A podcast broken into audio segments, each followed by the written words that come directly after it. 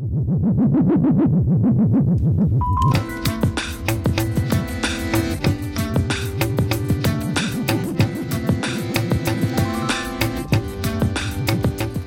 Pro tempo da conversa desta tarde contamos outro lado do fío telefónico con Jordi Camí, que é catedrático de farmacoloxía da Universidade Pompeu Fabra. Moi boas tardes, Jordi. Buenas tardes. Eh, Jordi Camí ten desenvolvido un papel moi importante na creación de infraestructuras de investigación biomédica de excelencia como é o Parque de Investigación Biomédica de Barcelona, do cal é director xeral.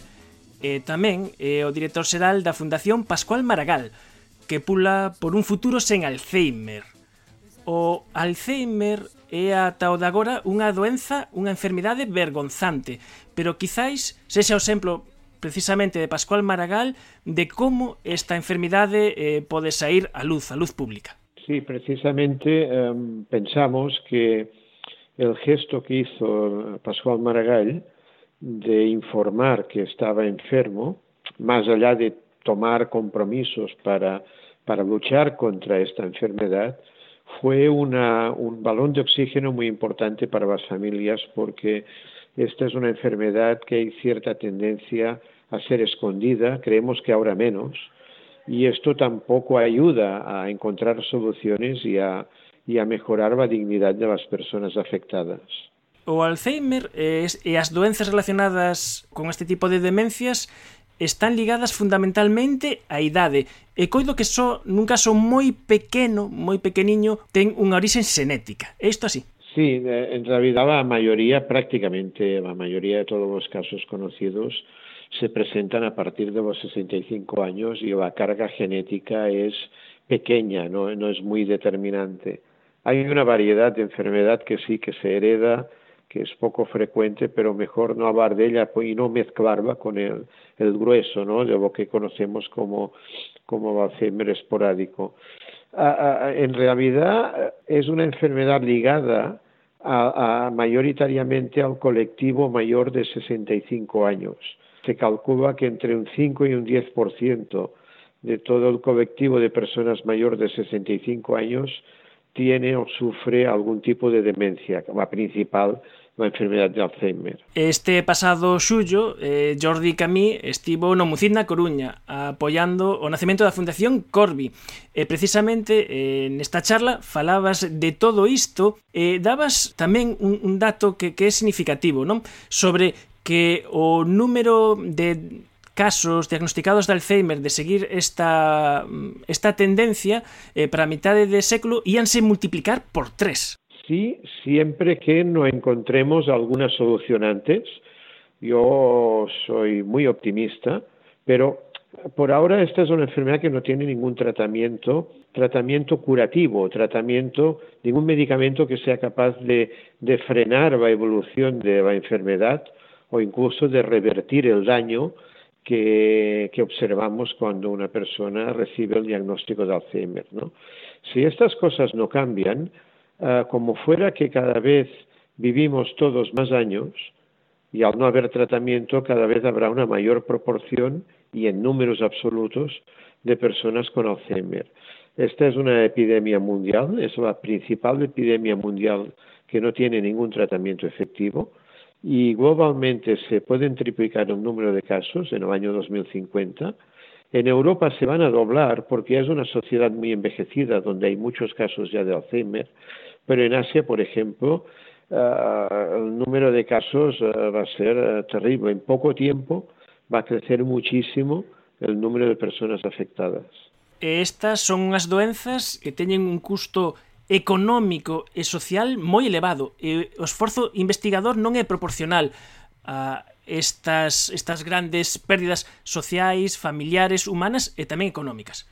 Sí, Uh, el Alzheimer no ha recibido la prioridad adecuada porque el foco de esfuerzo uh, que tiene su lógica se ha puesto en, uh, en investigación dirigida a, a, minimizar las enfermedades que causan las, que son las principales causas de muerte, que son el cáncer y las enfermedades cardiovasculares. Pero ahí ha habido muchos éxitos. Muchos cánceres hoy se curan, y, y, muchas de estas enfermedades se han vuelto crónicas, ¿no?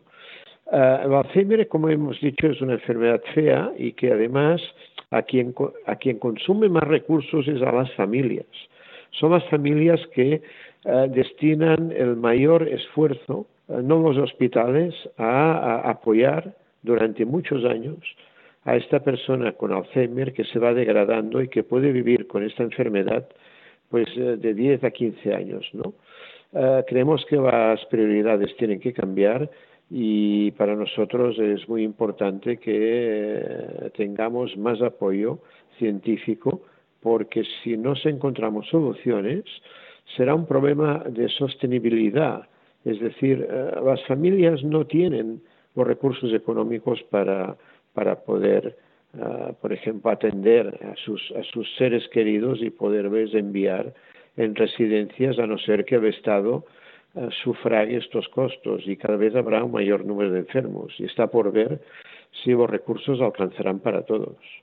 Por lo tanto, no hay atajos y, y, y, la única forma de conseguir soluciones es con más y mejor conocimiento científico. Mais e mellor conocimiento científico e sobre o Alzheimer vanse coñecendo cousas, ainda hai moitas cousas que se descoñecen, pero agora, por exemplo, contamos coa ventaxe de técnicas diagnósticas de neuroimaxen que nos permiten eh, meternos dentro eh, dentro do, do noso encéfalo e, e ver como é a evolución da enfermedade e incluso intentar ver se se pode predicir. Estamos asistiendo a un cambio de enfoque muy radical con esta enfermedad. Uh, y esto es debido a que con, en muy pocos años hemos llegado al convencimiento de que esta es una enfermedad que comienza de manera silenciosa décadas antes. Esto pasa con otras enfermedades en medicina, no hay que asustarse. Pero en este caso, claramente, a través de neuroimagen, como usted ha citado, y a través de otras pruebas, ya empezamos a ser capaces de detectar estos principios de esta enfermedad muchos años antes y que nosotros no lo notamos. ¿no?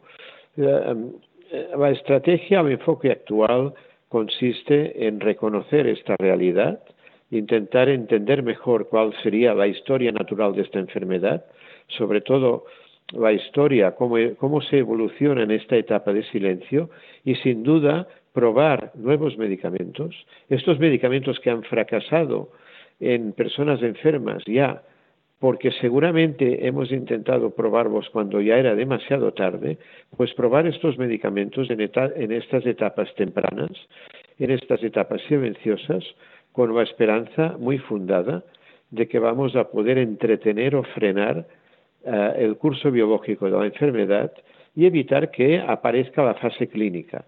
Este tipo de investigación es la que hacemos en la Fundación Pascual Maragall y es investigación en prevención secundaria de la enfermedad.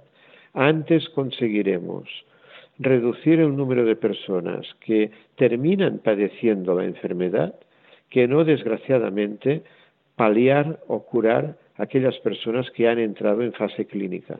Esta mensaxe eh, pareceme eh, nuclear eh, e, e fundamental. Ata agora os medicamentos non poden curar, pero si sí esta nova estrategia de verse esos medicamentos precisamente poden facer funcionar com, como prevención eh, anos e décadas antes. E precisamente na Fundación Pascual Maragall eh, tedes en marcha o Estudio Alfa con case 3.000 voluntarios nos que estades a traballar. Claro, estas este, este colectivo de personas voluntarias, que son casi 3.000, entre 45 y 75 años de edad, y que una buena parte son descendientes directos de personas que tienen o han sufrido la enfermedad de Alzheimer, estas personas se prestan para que les hagamos pruebas y podamos entender esta historia natural en aquellos pocos que van a desarrollar de manera biológica y silenciosa la enfermedad. Y en algunos de ellos, algunos pocos, les vamos a invitar a, que, que podamos probar estos nuevos medicamentos para comprobar si realmente podemos frenar el proceso y lograr que nunca terminen sufriendo la enfermedad de maneira clínica, non? A etapa que todos conocemos. Eh, este estudio, ademais, enmárcase nun contexto de outros estudos globais nos que se quere eh, ter unha poboación o máis ampla posible para poder eh, quitar eh, resultados estatísticamente significativos. Efectivamente, nosotros estamos ahora moi coordinados en unha rede europea en la que se está replicando este esquema que me he contado, y sin duda nos interesa como más mejor, pero es que como mayor sea el número de personas a las que podamos estudiar, y esto debemos hacer sumando esfuerzos en distintos países, pues uh, no solo más rápidamente obtendremos uh, los primeros resultados, sino que estos resultados serán más robustos. Como mayor sea el número de personas, más robustos, más certeros, ¿no? serán as conclusiones que obtengamos. Unha das cousas que adoitamos facer en efervesciencia é sair á rúa e preguntar cousas a xente. Desta volta, collemos os nosos micros e fixemos unhas preguntas, eu coido que complicadas, unhas preguntas relacionadas con cuestións éticas. Eh, preguntámoslle mm. a xente eh, que pasa cando unha persoa ten unha diagnose de Alzheimer si se lle debe comunicar esa diagnose. Isto foi o que nos dixeron. Eu creo que que non que? Que non o debería saber. Pois eu creo que sí. Porque se vai progresivamente perdendo recordos, vai ser máis duro non saber o que lle está pasando. Igual non se acorda tampouco deso. Claro. É que é difícil. Pode ser, pero yo creo que ayuda non le va a ayudar nada al decírselo.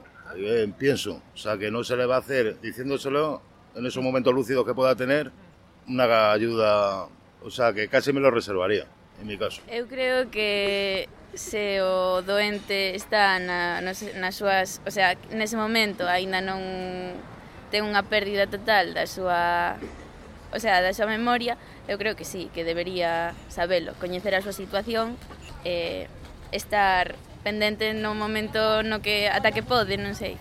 Eu creo que sí, personalmente. Yo es que creo que aunque se la dé, si esa persona tiene Alzheimer, va a haber algún momento en la que se lo olvide.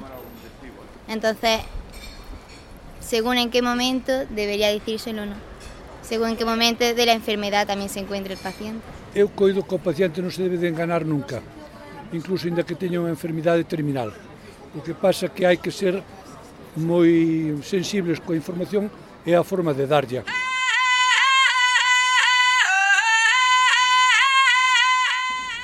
E saber os 40 anos, cando mellor o vas desenvolver os 65, son 25 anos, e non é 100% seguro e eso esa información non está totalmente validada Home, iso é máis problemático iso xa mo pensaría, eh? Sí? sí.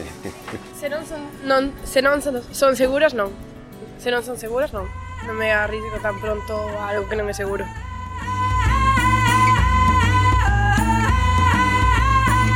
Se tibera risco de padecer a enfermidade, tamén, porque sabelo creo que che cambia moito a, a túa forma de ver a vida e de vivila e creo que sí que só por non sei, por aproveitar o tempo que me quede, pois sí, sí que me gustaría saberlo.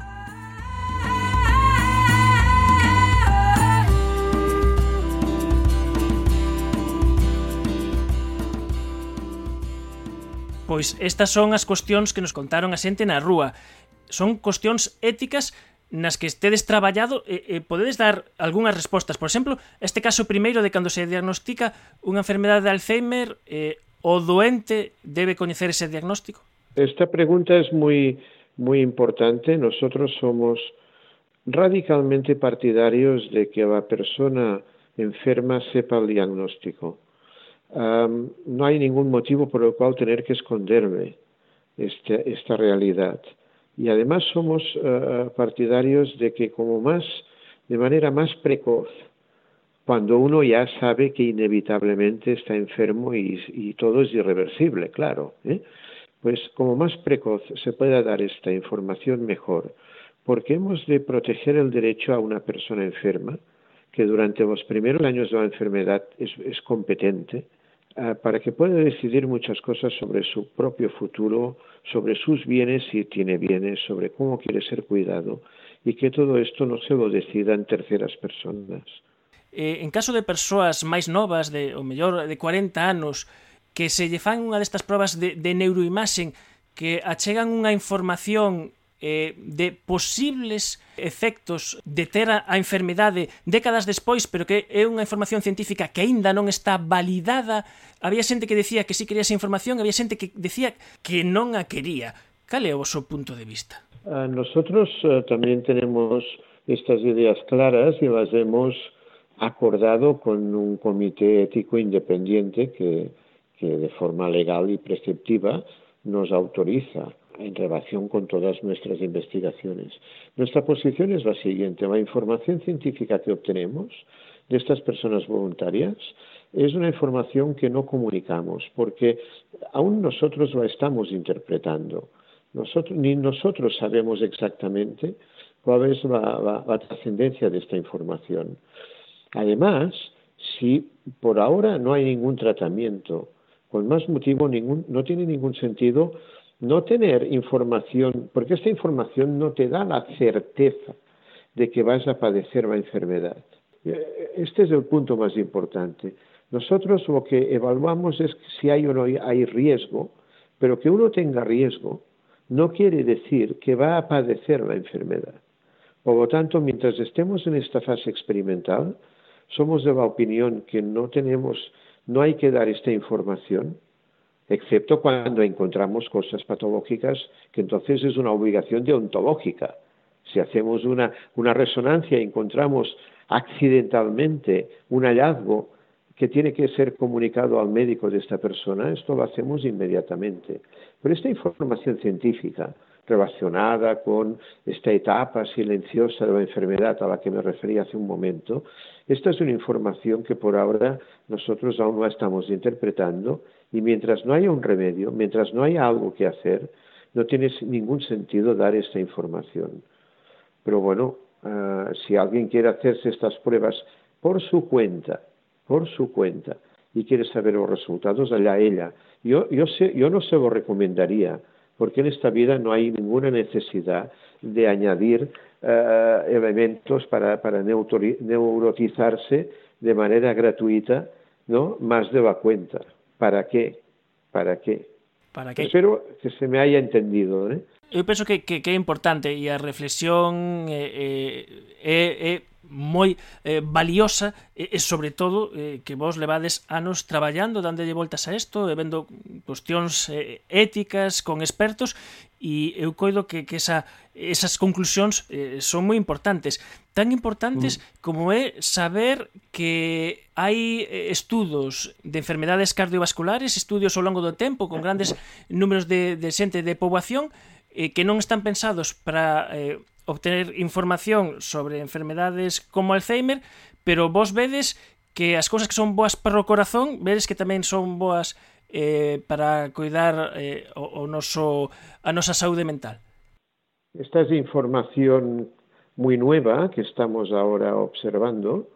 Esto proviene de registros, como has dicho tú, en regiones donde, donde han ido han ido comprobando que había pues familias y personas y descendientes de estas personas que tenían, digamos, la precaución de hacer buenas prácticas prácticas saludables en relación con la dieta, con el ejercicio físico, buenas prácticas, todas ellas pensadas y comprobadas que son buenas para disminuir el riesgo de enfermedades cardiovasculares. Y en estos territorios, en estas familias, se está empezando a comprobar que hay una menor incidencia, un menor número de casos de demencias. Y claro, esto tiene muchísima importancia porque nos está diciendo, como has dicho tú, que aquello que es bueno para el corazón seguramente también es bueno para el cerebro. Y esta es una nueva línea de investigación, esto sería uh, el concepto de prevención primaria, ¿no? de hacer buenas prácticas para disminuir la probabilidad de llegar a tener el inicio de la enfermedad. ¿eh? Y, y, seguramente en pocos años, pues, vamos a, a prescribir y a promover estas buenas prácticas también para uh, prevenir o para reducir el riesgo de tener una enfermedad de Alzheimer. ¿A qué se dedicaba? ¿A qué me dedico? Soy Splendini, mago. ¿Sí? ¿Quieren, ¿Quieren ver una cosa? Oh, ¿Quieren- por favor. ¿Tenemos tiempo para un truquito? Creo que tenemos toda la eternidad.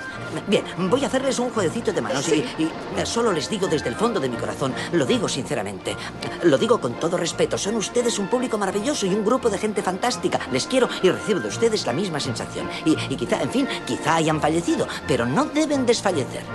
Porque, bueno, no crean que estar muerto es una desventaja, ¿saben? Cuando, cuando yo era niño tartamudeaba, pero con cabezonería y perseverancia, en fin, nunca se sabe lo que puede pasar.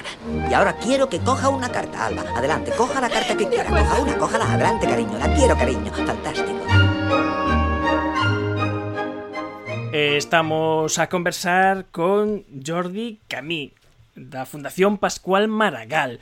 Eh, para rematar este tempo de parolada, non nos queríamos eh, despedir de Jordi sin comentar que aparte eh, deste de traballo tan importante na Fundación Pascual Maragall, tamén, se alguén busca por internet, pois pode atopar algunha charla, como por exemplo en Naucas, na que Jordi Camí, xunto con Luis Martínez Otero, o neurocientífico do Instituto de Neuroloxía do CSIC de, de Alicante, sobre o que falan sobre como se pode ver a maxia desde o punto de vista científico.